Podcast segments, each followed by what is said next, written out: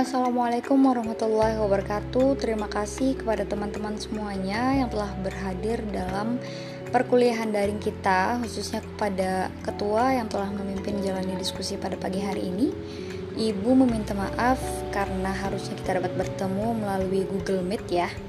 Namun karena satu hal eh, situasi dan keadaan ibu pribadi kurang memungkinkan, anak ibu uh, biasanya ketika ada perkuliahan temu daring atau virtual gitu kan. Ibu minta tolong untuk menitipkan anak uh, kepada suami atau orang tua yang tidak berkesibukan sebentar gitu kan.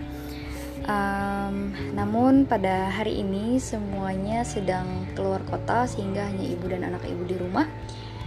Dan menunggu dia tidur dulu baru ibu bisa membaca dan cermat jalannya diskusi yang ada di WhatsApp group ya. Oke, okay. um, di mata kuliah kali ini uh, hal utama yang harus kita pegang adalah kita akan saling belajar, saling berbagi, saling mengisi ya. Bukan berarti ibu yang paling saklek, uh, paling benar, paling mengetahui segalanya namun um, siapa pun bisa uh, menambahkan, memberikan tanggapan, memberikan apa yang ia ketahui gitu kan, baik secara teoritis maupun pengalamannya, um, apa pun itu. Oleh sebab itu, uh, apa yang ibu um, bagikan atau jawab dari sisi ibu adalah uh, apa yang dapat ibu uraikan berdasarkan uh, bacaan uh, dan juga pengalaman ya oke okay.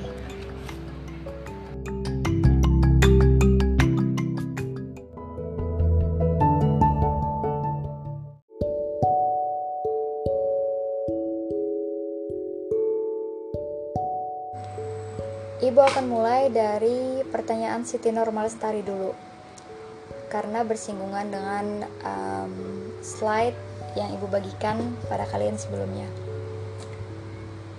Pada tahun 2010, berdasarkan hasil riset, angka perceraian di Indonesia itu sangat tinggi. Ini adalah riset 10 tahun yang lalu ya. Dapati bahwa tiga faktor terbesar penyebab perceraian yaitu ketidakharmonisan, kedua tidak adanya tanggung jawab, yang ketiga faktor ekonomi. Barangkali jika sekarang um, sudah ada penambahan faktor atau pergeseran faktor, mari kita cek sama-sama ya. Norma bertanya, mempertanyakan apakah tidak ada jalan keluar dari perkara perceraian ini gitu. Coba kita lihat kembali. Um, keputusan untuk bercerai itu adalah sebuah hal yang dibolehkan. Namun perkara yang sangat dibenci oleh Allah Subhanahu wa taala, ya kan? Bisa kita cek hadisnya seperti apa. Ketika dua orang memutuskan untuk menikah, harusnya dia sudah uh, mengetahui, tidak hanya mengetahui tapi paham, menghayati dan memegang komitmen sama-sama visi, misi, niatan dan tujuan yang utamanya untuk menikah itu seperti apa karena ke depannya pasti akan banyak sekali potensi masalah yang bakal terjadi di dalam sebuah rumah tangga. Entah itu sumbernya berasal dari dirinya sendiri ataupun pasangannya, orang tua, ipar, kakak, mertua gitu kan, anak, kemudian lingkungan kita, hal-hal lain yang berkaitan dengan pekerjaan, karir, kemudian penghasilan, pendidikan, kepengasuhan anak, dan lain-lain. Itu akan menjadi potensi faktor um, permasalahan yang pasti terjadi gitu. Ketika permasalahan muncul, sekecil apa pun, seharusnya ya idealnya itu memang dikomunikasikan. Ya. Mengapa kemudian komunikasi memegang peranan dan kunci penting dalam hubungan antara suami istri? karena komunikasi sekecil apa pun akan berdampak pada um, apa hubungan kita sekarang uh, saat ini dan ke depannya gitu. Misalnya faktor ketidakharmonisan ya.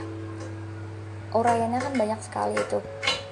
Ada um, perkelahian pertengkaran adu mulut kemudian um, perselingkuhan baik dilakukan oleh laki-laki ataupun perempuannya KDRT baik dilakukan oleh laki-laki ataupun perempuannya um, tidak hanya secara fisik tapi juga secara verbal kemudian secara batin itu bagian dari KDRT gitu kan. Ketika um, seseorang uh, sudah merasa tidak aman tidak nyaman satu sama lain tidak merasa cocok lagi nih tidak merasa uh, sayang lagi tidak merasa cinta lagi nah itu perlu untuk dikomunikasikan itu ada apa sebenarnya yang terjadi gitu.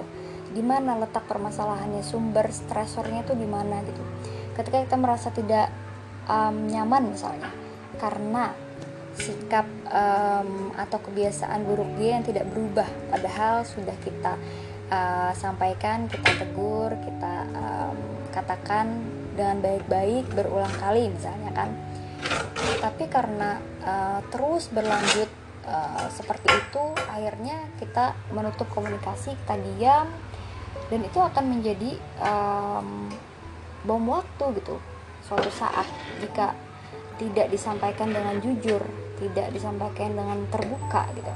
Makanya penting sekali komunikasi itu memegang kunci dan peranan utama di dalam keharmonisan suatu hubungan ya. Sampai kepada komunikasi um, permasalahan seksual misalnya permasalahan biologis kesehatan itu juga harus uh, dibicarakan dan disampaikan secara terbuka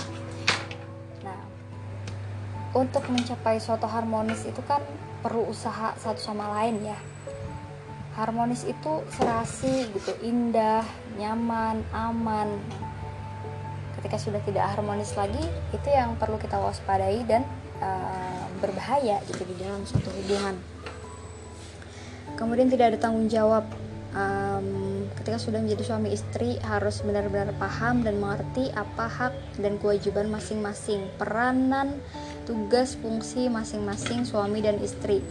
Um, tidak ada lagi tanggung jawab atas dirinya sendiri yang ada tanggung jawab bersama tanggung jawab terhadap anak tanggung jawab terhadap suami terhadap istri terhadap orang tua barangkali.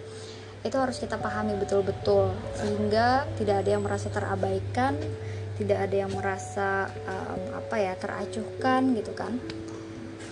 Um, sampai menyangkut masalah ekonomi pun seperti itu gitu. Pengelolaan keuangan seperti apa, finansialnya, siapa pengaturnya, siapa perencananya, harus benar-benar dibicarakan secara um, luwes, gitu, secara terbuka, jangan setengah-setengah, jangan hanya sekali dua kali, tapi berkali-kali dan sering, karena um, dengan seperti itu hubungan kita akan terus um, berada di posisi yang um, nyaman satu sama lain gitu mengenakan satu sama lain. Penting sekali ya. Mengapa nanti ada manajemen dalam keuangan yang akan dibahas pada kelompok berikutnya gitu kan? Karena membicarakan hal-hal tersebut terkadang masih bersifat tabu gitu kita dua orang yang berbeda barangkali satu salah satunya memiliki sifat boros salah satunya memiliki sifat yang hemat atau keduanya sama-sama boros nah itu bahaya sekali gimana nanti perencanaan keuangannya harus benar-benar dipikirkan dan dibicarakan.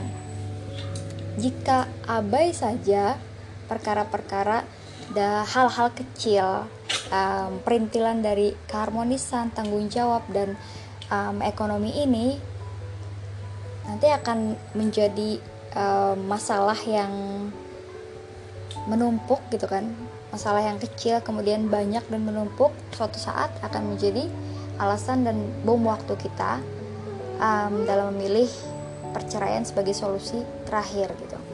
Ketika sudah berada di pengadilan di meja hijau, um, tentunya ada sebuah apa ya rasa pasrah, putus asa karena tidak berhasil menemukan solusi atas permasalahan yang selama ini kita pendam mungkin selama ini kita um, rasakan sama-sama, selama ini kita hadapi um, kita sudah uh, sama-sama pasrah untuk uh, bertahan, menyerah untuk bertahan, mempertahankan, karena tidak diselesaikan dari awal ketika masalah itu masih kecil gitu.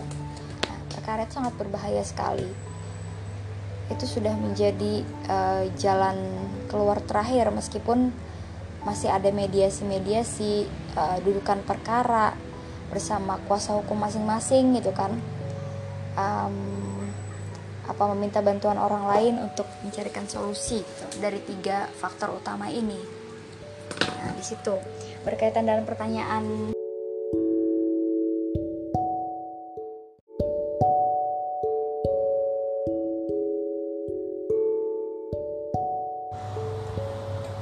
Selanjutnya uh, berkaitan dengan pertanyaan Muhammad Iksan Fadil tentang pendidikan pranikah dan juga indikator seseorang dikatakan siap untuk menikah itu seperti apa. Secara umum memang belum kita dapati um, lembaga atau institusi yang resmi memberikan pendidikan pranikah gitu kan yang uh, paket komplit lah lengkap istilahnya belum ada. Namun jasa-jasa yang menyediakan kursus parenting misalnya ataupun pendidikan pranikah memilih memilih calon uh, pasangan kemudian um, sampai perihal bahasan tentang mendidik anak, uh, pendidikan seks di dalamnya itu banyak sekali kita temukan baik melalui jasa um, online maupun offline, uh, melalui website ataupun kita menghadiri event-event berbayar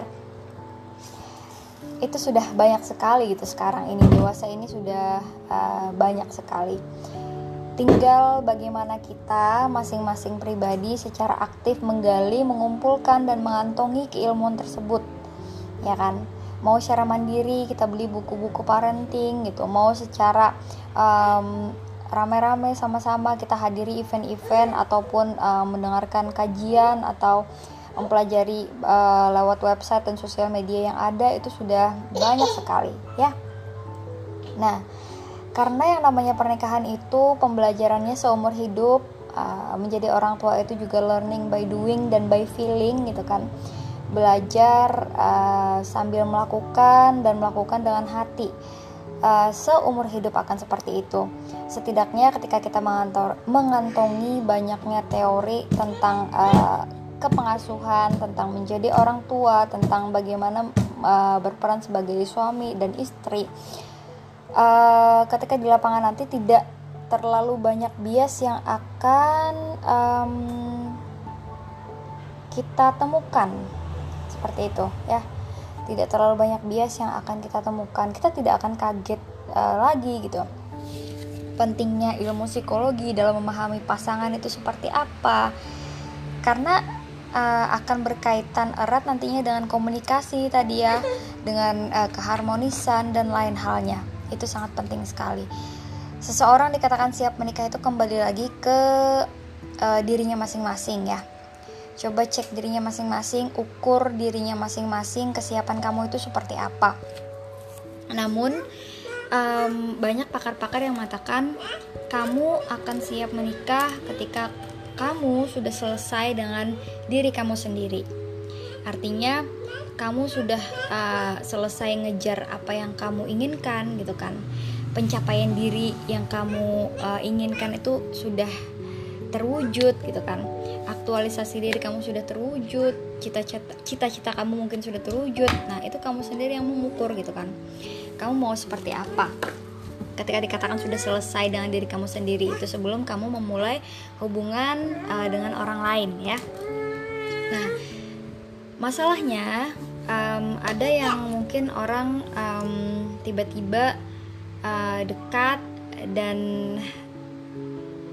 langsung mengajak menikah barangkali ya. Uh, ini dari sudut pandang ibu ya. Uh, dan kita merasakan bahwa bahwa um, ini adalah gitu. Nah, tanpa kita harus um, memahami dan mengenal lebih jauh, kita uh, pahami dulu apa visinya, misinya tadi, niatannya, tujuannya gitu kan. Seperti apa sih karakternya, um, seperti apa sih um, kebiasaannya dan lain-lain hal gitu kan. Karena nanti kalau sudah menikah, um, ketika kita memutuskan untuk menikah ya tiba-tiba uh, kita belum selesai dengan diri kita sendiri, takutnya uh, di dalam pernikahan tersebut kita akan mendapatkan banyak um, tekanan emosional yang mengganggu uh, kesehatan mental kita sendiri gitu. Ya kesehatan mental kita sendiri. Sehingga um, penting sekali untuk menyelesaikan dirimu uh, dengan dirimu gitu kan. Sebelum kamu mulai dirimu dengan dirinya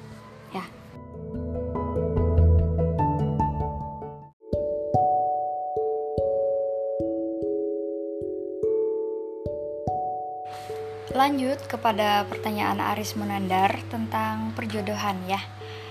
Yang namanya perjodohan itu kembali lagi kepada dirimu masing-masing. Itu adalah sebuah pilihan yang um, mau kamu ambilkah atau tidak gitu kan apakah kamu menyerahkan urusan jodoh kepada orang tuamu sehingga kamu dijodohkan atau memang um, orang tuamu memberikan kebebasan untuk memilih itu kembali lagi kepada masing-masing kamu dan keluarga kamu seperti apa. Um, yang jelas yang namanya jodoh karir um, harap dipikirkan baik-baik matang-matang gitu kan. Uh, seperti tadi selesaikan dulu kamu dan dirimu sendiri. Misalnya kamu selesainya itu apakah uh, saat sudah berkarirkah atau saat sudah menyelesaikan S1 atau saat sudah memiliki karya ABCD gitu kan? Um, itu kembali ke diri masing-masing. Bagaimana cara kamu menyelesaikan dengan dirimu sendiri? Karena yang namanya jodoh karir um, itu akan kamu habiskan separuh dari usiamu bersama mereka gitu kan? Dan bersamanya sehingga memilih uh, pekerjaan karir dan memilih jodoh itu harus benar-benar um, selektif gitu kan. Harus benar-benar uh, bagaimana hatimu bagaimana uh, restu kedua orang tuamu bagaimana um, ya kamu tahu alasannya kembali ke diri masing-masing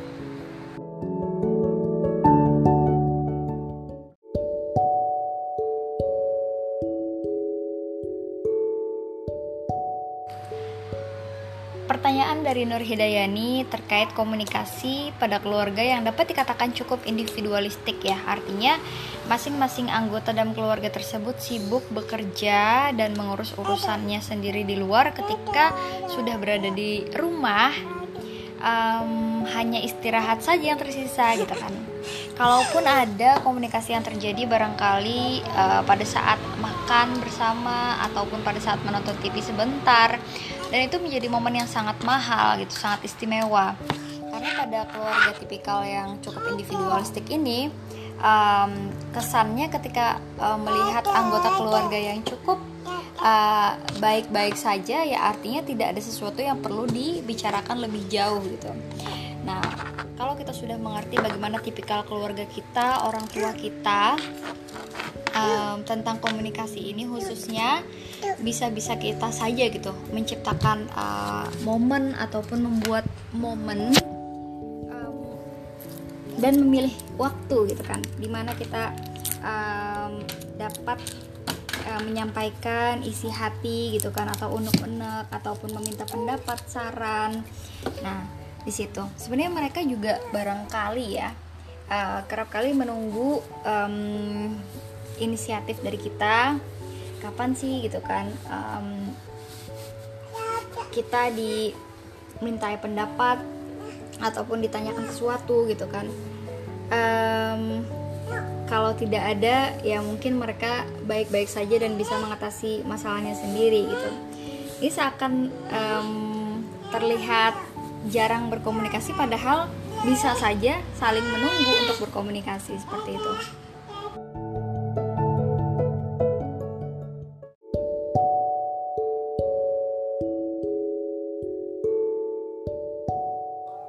Pertanyaan terakhir dari Naila Husna dalam bagian yang ibu temakan ke dalam pernikahan dan relationship yaitu bolehkah mertua untuk campur tangan ke dalam urusan uh, pernikahan anaknya ya. Sebagian teman-teman tadi sudah menjawab um, boleh asalkan tahu batasan-batasan privacy yang mana yang boleh dan tidak. Um, seandainya semisal hanya menasehati, memberi masukan, um, itu dalam pandangan teman-teman kebanyakan boleh-boleh saja ya. tapi bagi ibu um, memberitahu terhadap orang tua tentang masalah yang kita hadapi ataupun hanya sekedar um, bercerita meminta pendapat um, menurut ibu pribadi ya sama saja seperti kita ingin um, apa ya menunjukkan ada satu masalah yang kita hadapi saat ini gitu Sebagian mungkin merasa nyaman, sebagian mungkin uh, merasa hal ini seperti menambah beban uh, pikiran terhadap orang tua kita gitu kan. Alangkah baiknya ketika ada masalah coba kita bicarakan antar kedua uh, pasangan antar satu sama lain, kemudian dicarikan solusinya sebisa mungkin uh, untuk tidak uh, tersampaikan ke orang tua walau hanya sekedar bercerita apalagi kepada teman-teman dan orang lain gitu ya. Karena itu adalah rahasia um, dapur keluarga kita gitu. Nah di situ